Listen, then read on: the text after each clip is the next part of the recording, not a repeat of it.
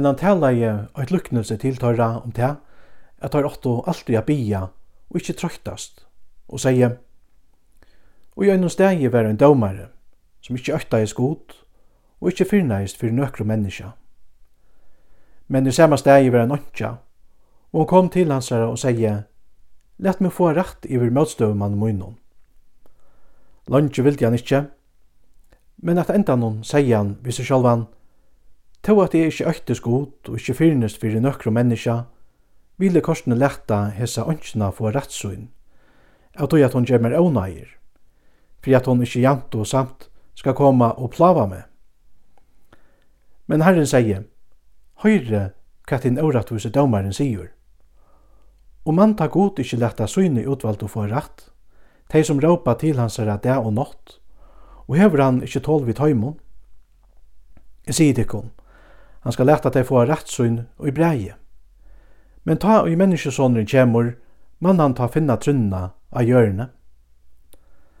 Men han sier østen i hekta luknelse vi nekrar, som lite og av seg sjølvar, at han var rettviser, og rokna og hinar fyrir jøntje. Tvær menn fyrir nian i halgjedomen at halda bøen, annar var farsiere og annar tottlare. Farsieren stod og bæ såløys fyrir seg sjølvan. Jeg takkje er godt, at jeg ikkje ere som er menn, rånsmenn, euratviser, hårkallar, etla lukka som hessen tottlaren. Jeg faste tver røyser og vikna, jeg lette tutsjont av ötlun som er oknast. Men tottlaren stod lengt bostor og vilde enn ikkje hevje opp eiesynne mot himle, men slå seg fyrir blinkina og seie, God nage med syndara. Jeg sier dikkon, hesen får rattvistgjører heim til husa, men hin ikkje. Det at ein og hver som sesser sjálvan høgt skal vera settur lokt, men tann som sesser sjálvan lokt skal vera settur høgt. Men dei bør òsne smabøttene til hans herra, at han skulle nema vid dei. Men ta i lærersvennene sjå det, høtte tar ett av Men Jesus kallar dei til syn og sier, Lærte bøttene koma til mun, og foretar det ikkje, til at Guds rujtje høyre slukom til. Sannliga, sier tikkun, tann som ikkje tekur i møte Guds rujtje og så lute baden, han skal alls ikkje koma inn ut av. Og ein av høvsmannen spurte han og sier, Gåe morsdare, hva skal jeg gjøre at jeg kan arva av et liv? Men Jesus sier vi igjen, Hvor kallar du meg gåan? Ønsken er gåur utan øyn. Det er god. Bøyene kjenner du. Du måst ikkje truve hår, Du måste ikkje slå ihjäl. Du måste ikkje stjala. Du måste ikkje säga renkan vittnesbord. Æra färgertøyn og mauertøyna. Men han sier, alt dette har vi hilde fra Batn og Aron, Moinon. Men ta og Jesus hørt i hekta, sier han vi han, Øyt vantar der enn. Sel alla tøyna og skift hana sundur myndlin tørra fatakko. Ta skal du hava døyran grip og himlen og kom så og fylg mer. Men ta han i hekta var han hølt tungur i hoa, tog han var ekvelia rykur. Men ta Jesus sa til av honom, sier han, hvordan torført er det tja tøymon som øya rykjedøme er koma inn i gos rykje.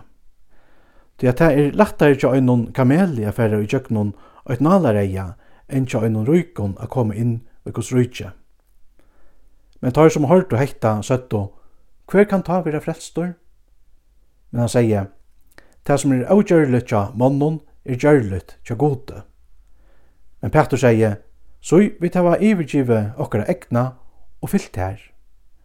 Men han sier vi tar, «Sannliga, sier tikkun, at han er ønsken som hever ivergive hus, etla kono, etla brøver, etla foreldor, etla bøtten, fyrir Guds rujtjes sætjer, utan at han skal få ta mengar fyrir attor og hese tøy og i hinnom komande høyme evigt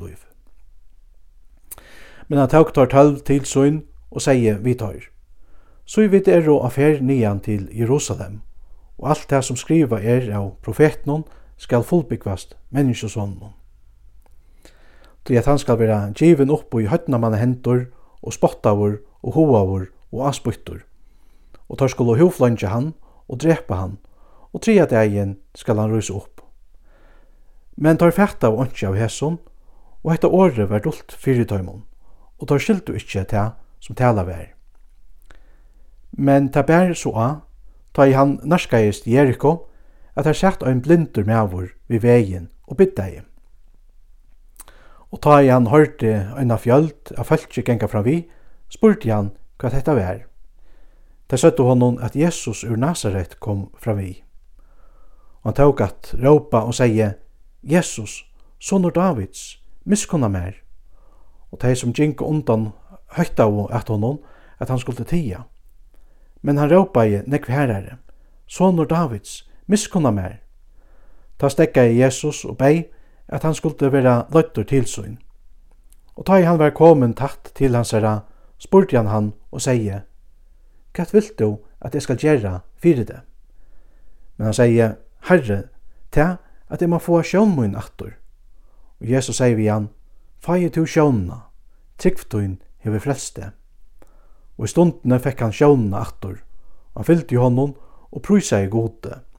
Og alt fæltje lova i gode, ta i deg hekta sjóa.